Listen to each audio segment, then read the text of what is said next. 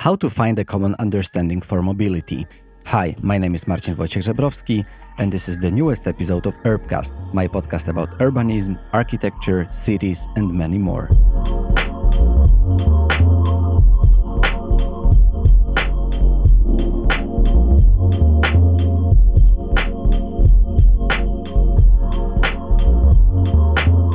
Welcome to the newest episode of Urbcast and Urban Future series, which was recorded during the Urban Future Conference 2022 in Helsingborg. I am very, very happy to share another conversation, which is the result of my collaboration with Urban Future as a media partner. I was honored to be able to sit together with a couple of the guests of the conference and talk to them about different themes related to urbanism, cities, and also many more. Today, I will be talking to Carolina Cominotti about how to find a common understanding for mobility. Carolina Cominotti is the head of partnerships at Autonomy Paris, which is one of the biggest, or actually the biggest, fair of mobility. And we are discussing why is it important to get a common understanding of mobility and how the interest in mobility started in, in Carolina's case. We are debunking mobility. We are talking about what is mobility, but what also mobility is not, and also how to understand mobility in the midst of all the changes in our cities. For example, the electric scooters, which are actually everywhere in our cities right now, and I'm wondering how is our image of mobility changing because of those. We are thinking about the paradigm shift. We are also discussing the paradigm shift in thinking about mobility and also about the autonomy Paris. So, why is it worth to visit the autonomy mobility fair in Paris? What would mean success for the organizers after the event? And who has the biggest power if it comes to shaping mobility? Is it the city halls, the decision makers in the city councils, or is it the private companies? maybe universities, or maybe just the users who should be in the position of making the changes and decisions if it comes to mobility and how is it being shaped in the world. We finish with a book recommendation, but also with a very big question what could mobility look like in 50 years? So, welcome to the newest talk with Carolina Cominotti, which is a part of the Urbcast and Urban Future series.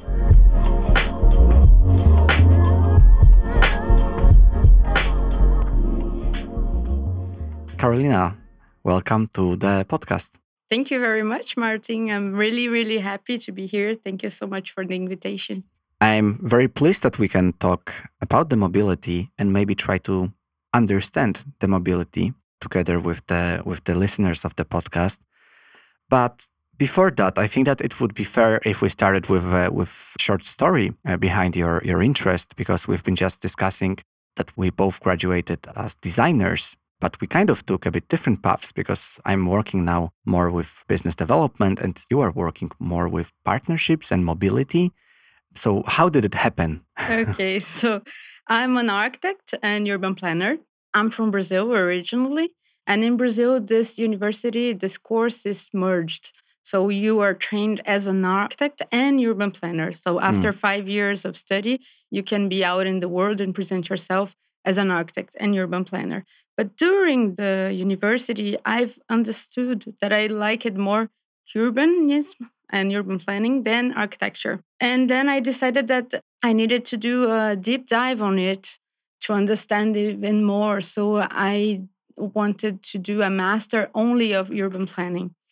And um, I've searched a lot, and Paris has this very undoubtable reputation on urban planning.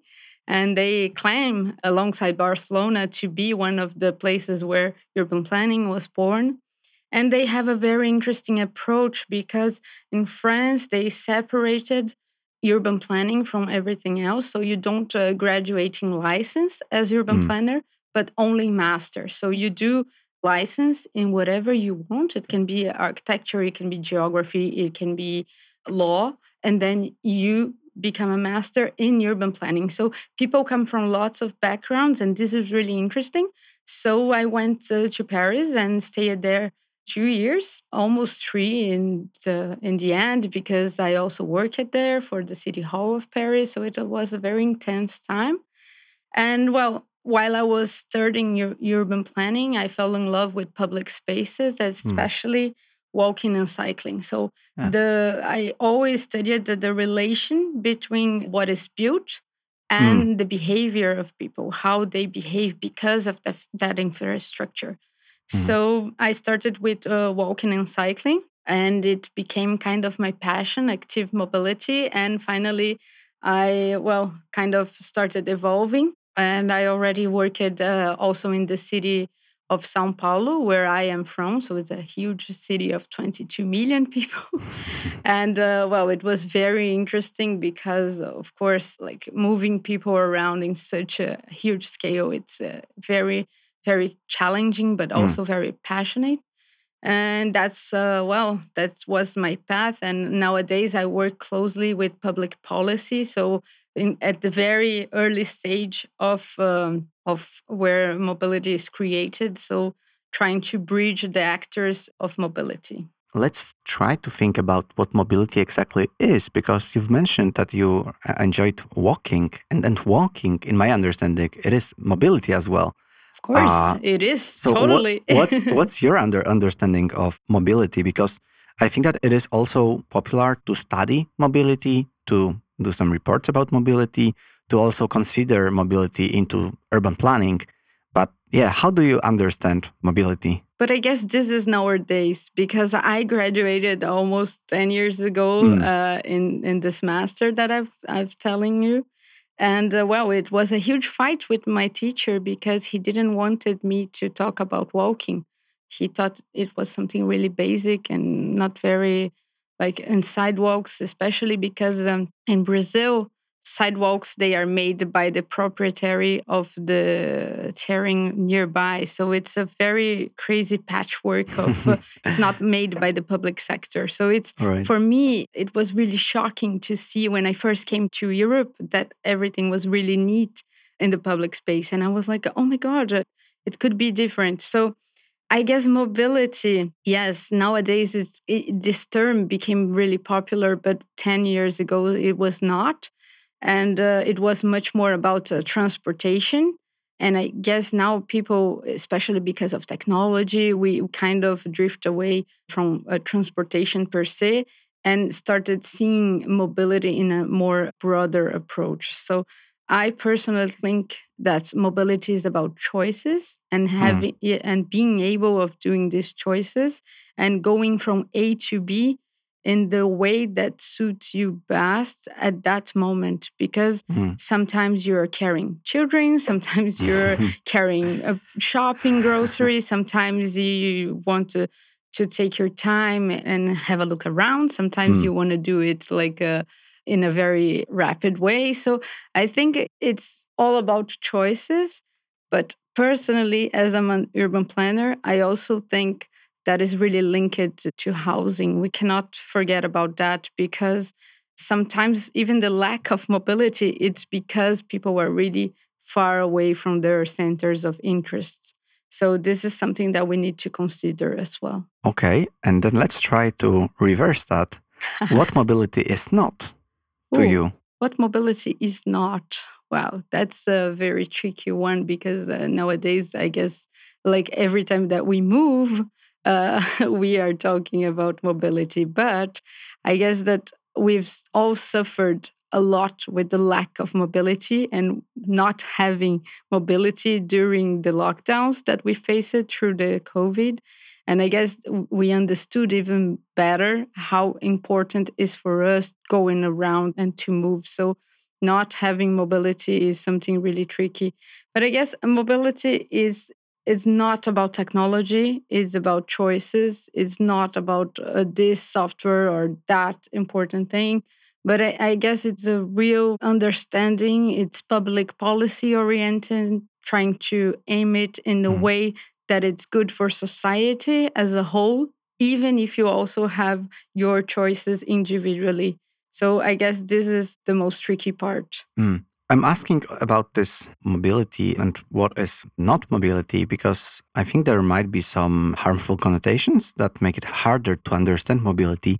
And I mean here that a couple of years ago, there was like a huge wave of uh, electric scooters that appeared on the streets of all many, cities. many cities. All cities, yes, all exactly. Cities. All cities. It, it became like a new wave of of new device and even now, recording here, we have a very nice view on the on the sea, and I can just see like already one scooter just just being parked there.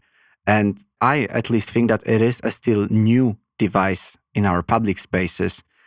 And I think that some people perceive that as also the companies brand themselves that it is the new mobility. But is that the real image? Should we really treat electric scooters as as this new mobility or rather the the mobility is so complex that this electric scooter is just like a tiny piece of that that is not that important. I think it became a component. So as you just mentioned like they popped up in every city escape uh, some years ago. I was personally working for the city hall of sao paulo. I was advising the deputy mayor of mobility and we had there 16 operators that popped up and well, it's a big city, but like lots of operators wanted a piece of that market. And for us and for everyone working in the public sector was a very like uh, how what do we do with them? How do we regulate them? If something happens who is the the person that is responsible? And of course the public sector is always running after the technology because public sector, it's all about the public money. It's funded by our taxes. So we have lots of procedures when we talk about the public sector. And they cannot move as fast as the, the private companies in that sense. So when those uh, engines came up, everyone was like, oh my God, what do we do with that? And um, well, now they are part of uh, the streetscape, and lots of cities embraced them, others banished them. And I guess cities are trying to understand what works because it's not just about going copy paste what works in some scape, it's going to hmm. work mm. in another. So I guess they are part of it, and we are going to see as it happened for shared mobility back in 2014 when Uber popped up and everybody was like, oh my God, what do we do with that? And taxis were going crazy. And even have we had a mass suicidal from taxi cab drivers in New York, for instance, as a protest. So it was, well, we are living very like effervescent times. So I guess mobility is evolving and uh, we need to understand what is better for each city and for the planet itself because we are also facing a climate crisis. So i guess we will see i guess lots of this new mobility popping up but it's not about that. It's not about the cool tech. It's about uh, having choices and these choices being really good for both the people of uh, such a city and for the planet as well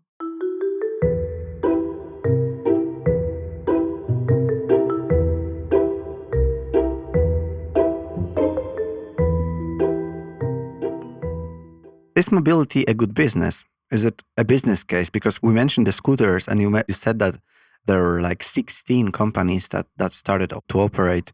And I assume, at least, that if so many companies suddenly appear to be interested in mobility that much and start with the electric scooters, it means that there is some money because people can use it. At the same time, I was reading, I think yesterday, that Uber, even though it's working for many years now, it is still not profitable. It's not profitable. Yes. It's crazy, but it, it is true. It's but we yes. move all the time, right? And sometimes exactly. we of course need to use more advanced device or we just need to use uh, something that will transport us for a longer distance and we I think we are ready to pay the price, but do you think that mobility can be a good business? Well, we've been working with this for years, and it's as a business, I guess it's kind of tricky because uh, well, it's not so evident and still sometimes controversial because uh, even for shared mobility, there are some reports saying that shared mobility increased the number of uh, cars on the street. So it depends, I guess. But as I was saying, like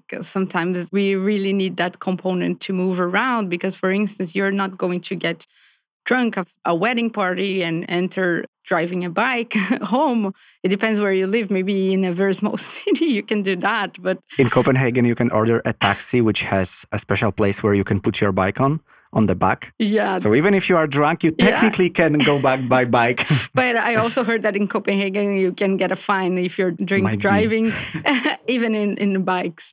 So I guess well, it's a tricky business because it's really evolving. It's really new.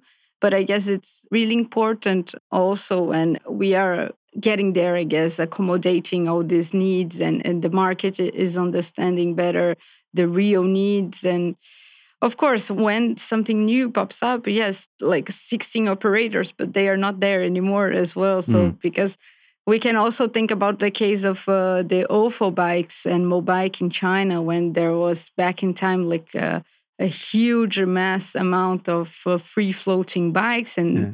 and they became uh, like really popular and then after it was a big bubble that exploded and like we have tons and tons of uh, dead bikes in piles around China. So, what happened to that? Like, why was there this shift? Did people stop using them? There was so much, so much offer, so much offer, like, because the thing people thought that this would be a trend. And then we started seeing like uh, thousands and thousands of bikes because they were not regulated by the government.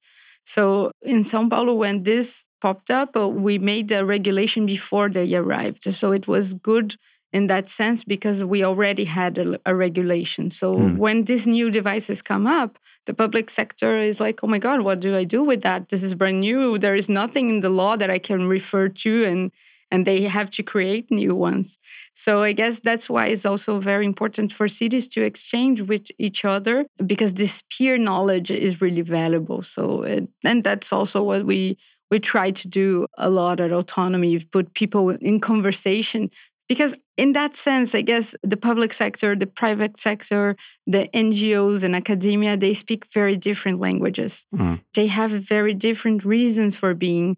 And in that sense sometimes they don't understand each other because they are driven by different uh, things. Mm. but if we don't collaborate as a whole as a society we're not moving forward. So that's something that i always try to be the bridge wherever i am to see the both sides of everything, of every story, because I guess it's important to understand what is driving those changes and how the city is perceiving them, how the companies are perceiving them, and working together to make it better for the citizens. It's good that you mentioned autonomy because this is uh, the topic I wanted to start as well. Because we are talking about Autonomy Paris, the, the world's leading event dedicated to sustainable mobility. And since you are meeting with so many people who are working in the field of mobility from different sides of spectrum. That's why I'm also asking you about this business part because it feels very interesting to me. What is like your feeling? Because if you talk to someone who is, for example, taking care of the mobility in a city council, and then you are meeting someone who is a businessman and would like to promote the, their mobility device, let it be the electric scooters or or Uber drivers and so on. So these are like two worlds. And do you think that it's possible for them to meet somehow? Is it a compromise? And where are the, the users in all of this equation? That's exactly what we try to do at, at Autonomy. So we are an organization that uh, we host this annual, annual event called Autonomy Paris. So once a year, we gather together all our network and it's B2B and B2G event. So this is the very important component, which I'm proudly happy to be the, the person that is, is doing this outreach and taking care of this B2G component in at autonomy. Because exactly what we do is trying to the bridge and make these people get together and understand and make the solutions go faster and advance faster. So at Autonomy, we Autonomy Paris, we have this gathering once a year, which is really it's a big event, it's a trade show, there are booths, there are talks, there are conversations. Like it's really, really huge. It's a two day event. But we also have uh, smaller events that we call the, the City Summit. So we just finished one in Berlin what we do in those events it's exactly the opposite we first we partner with the city and we try to bring our international community and downscale our big conference into the city to have a zoom in and understand what the city is needing. And then what we do from there once we partner with the city we try to understand what the city is facing in terms of uh, mobility challenges. And then we ask to our network of players that uh, who wants to address those issues and understand that. So in the case of uh, berlin it was the mobility hubs so it was very interesting because uh, Berlin has Jelbi, which is both an application, also stations inside, and we discussed it a lot about that. And we have also coming the autonomous vehicles London City Summit. So it's going to be in October.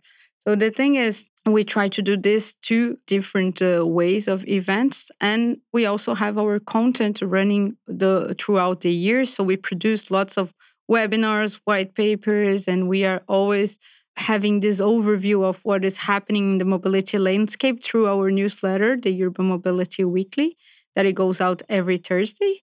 And uh, well, it's a very interesting way of uh, putting these uh, people that speak different languages together to try to uh, discuss and move forward.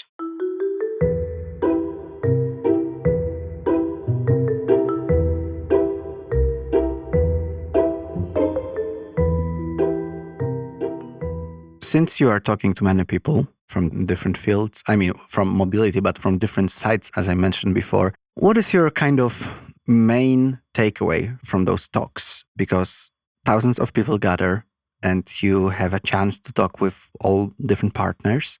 And do you observe any trends that appear in mobility? As we discussed before, mobility is not about technology, right? It's not just about technology. It's, it's, not just about technology. It's it's about the choice. So, what is the kind of the the main observation of yours if it comes to the mobility and the and the new trends? Well, I guess we have lots of things popping up and very interesting things. As I said, we can see this way of Jelbi operating is really, really interesting. It's totally a case because it's the public sector creating a platform that enables lots of operators to be all in one place. So mm. it's the city that uh, got closer to mobility as a service, not only talking about it, but really doing and, and seeing out there.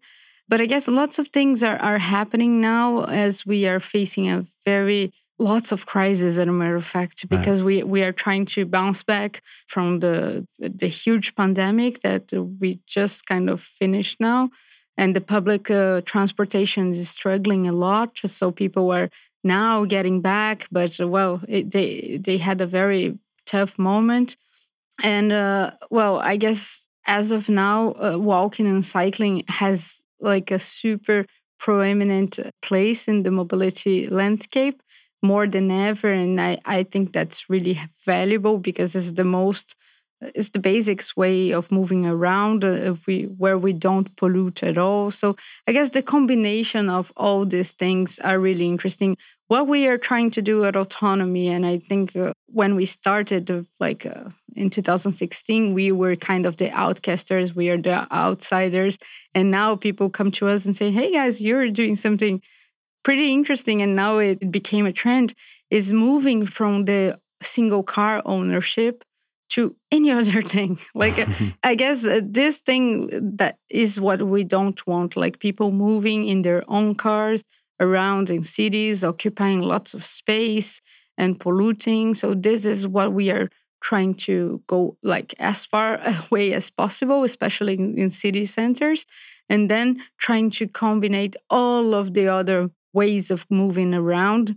As i said previously trying to use mobility in a way that serves you and also the planet, and also in a way that you can choose what is best in the moment uh, that you are. You can mm. go walking, you can visit a friend cycling, and you can go grocery shopping and come back in a cargo bike. You can do, I don't know, come back from a party drunk uh, in a shared uh, cab or in a cab. So I guess the composition of this is what is the trend now. Mm. You said that you work with B2B and, and B2G. Just to explain that, it's working business to business and business to government. Yes, exactly. Uh, which is very interesting because I haven't heard a lot of B2G operations in companies because it's often that we focus on this B2B aspect. So please tell us like how is it to be in the dialogue with the G, with the governments and with the city halls? How do they portray mobility when you talk? Yes, of course. I guess they are the main players of mobility because they do the regulation and they choose to what is going to to be having on their cityscape or not. So I guess they are a key component mm. and a major player because it's literally in their backyard that all this moving around is happening. But of course, as I mentioned previously, they are very particular because they are tied to the procedures of the public sector. And that's great because we live in democracies and and it's really good to know that like when you pay your tax your money has uh, to be used in a certain way that it's at least intended to be the best for everyone else. So the public sector as a matter of fact they are the guardians of uh, the public interest. So that's what they are there for to regulate some abuses or or enhance things that they are not in trend but they are important. So i guess this is their very keyhole. And um, well it's a it's a very important player to be ignored. So i guess hearing what the cities are facing trying to understand what they are in need what are their like the particular crisis that we are facing now so it was very interesting because last autonomy paris We've partnered with lots of cities. We have lots of cities in our network, but the city of Rio de Janeiro came to Paris, and the deputy mayor said, I want a new ticketing system for Rio. And I wanted to meet like other operators than what I already have back in Brazil and I'm already used to. And it was very nice because we could put them in contact with so many interesting European operators and companies that could tackle those issues for the city of Rio. So I guess it's a win win finally, but you need to refine the conversation and understand what the city need and then try to match partners mm. that can solve that problem for them. So, who has the biggest power if it comes to shaping mobility? Well, I guess it's a, it's a shared power. Finally, it's oh. that that's also the tricky part of it because uh, it relies a lot on the population and what the, their choices of moving around. But this can be shaped also both by the public sector with their regulations enhancing one modes and discouraging others. And of course, uh, the market, we live in a capitalist world. We cannot ignore the market. So, lots of things that are really convenient and affordable and interesting shapes also mobility. So, that's why mobility is a bit tricky because it's a shared power. It's something that uh, there is not just one player. It's cities. Cities are like that. I guess that's what I what drove me a bit away from architecture and what got me so much into urban planning and also the public sector and also mobility is because it's effervescent it's it's never ending as a matter of fact. Like uh, it's very nice when you end a building and it's uh, it's good to go and everybody's taking the use of it but uh, then it's over. And in urban planning everything is always evolving. You're never going to like oh, this city is finished. No, it's an ongoing hmm. masterpiece, mm. as a matter of fact.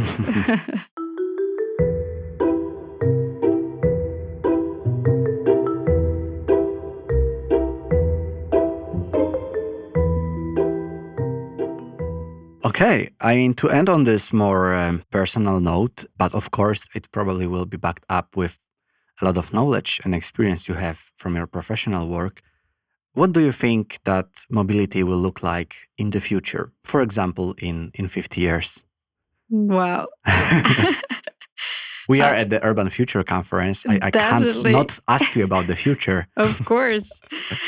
wow. I have, I tend to be an optimistical person because I need that to believe. Like uh, I always see the, the glass always half full.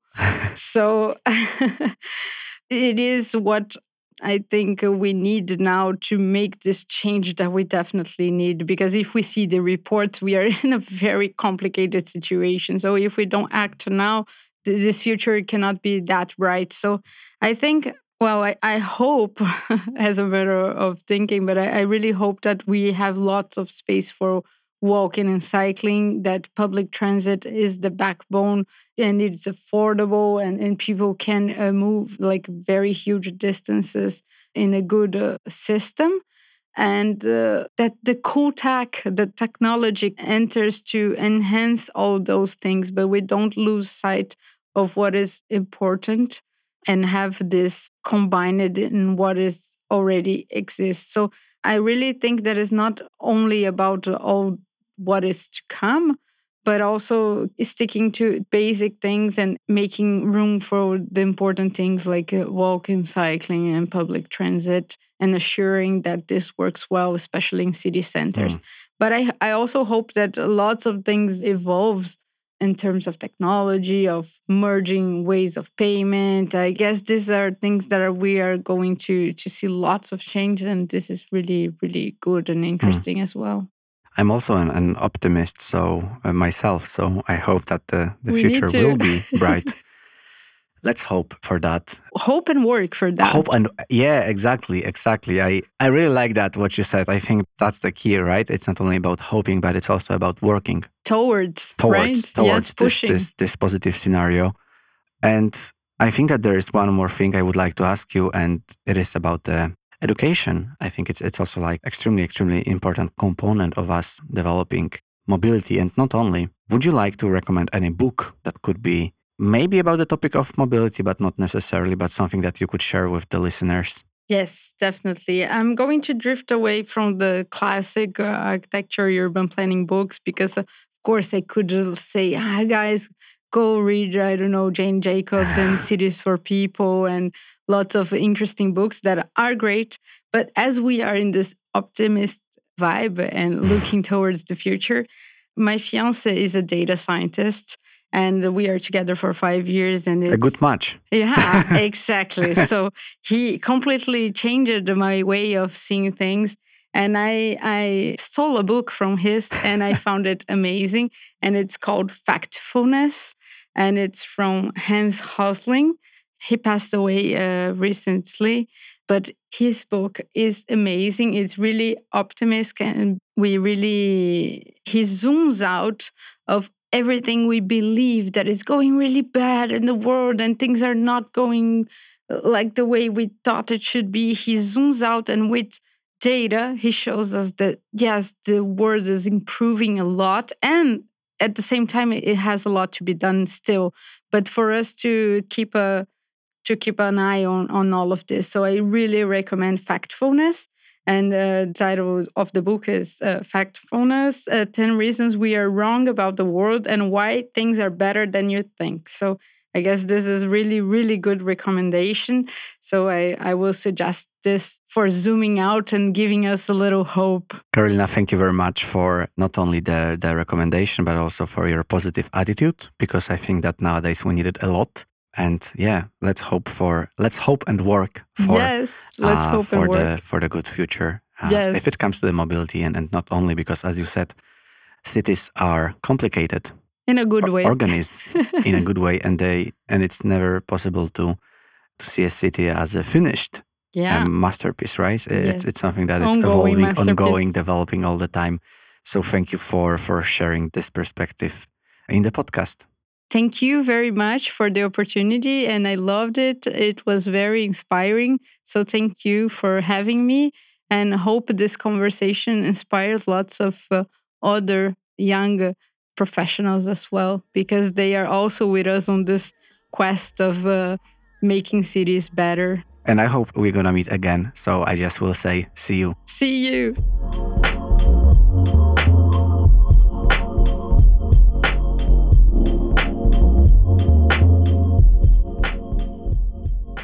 Thank you for listening to this episode of Urbcast.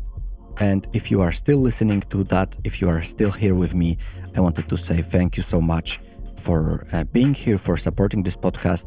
And if you like it, please share it with one person that also might find it interesting. If you would like to contact me or visit the social media of the podcast, you can find me at Facebook, LinkedIn, Instagram, but also at the website urbcast.pl slash en for English. Thank you very much and talk to you very, very soon.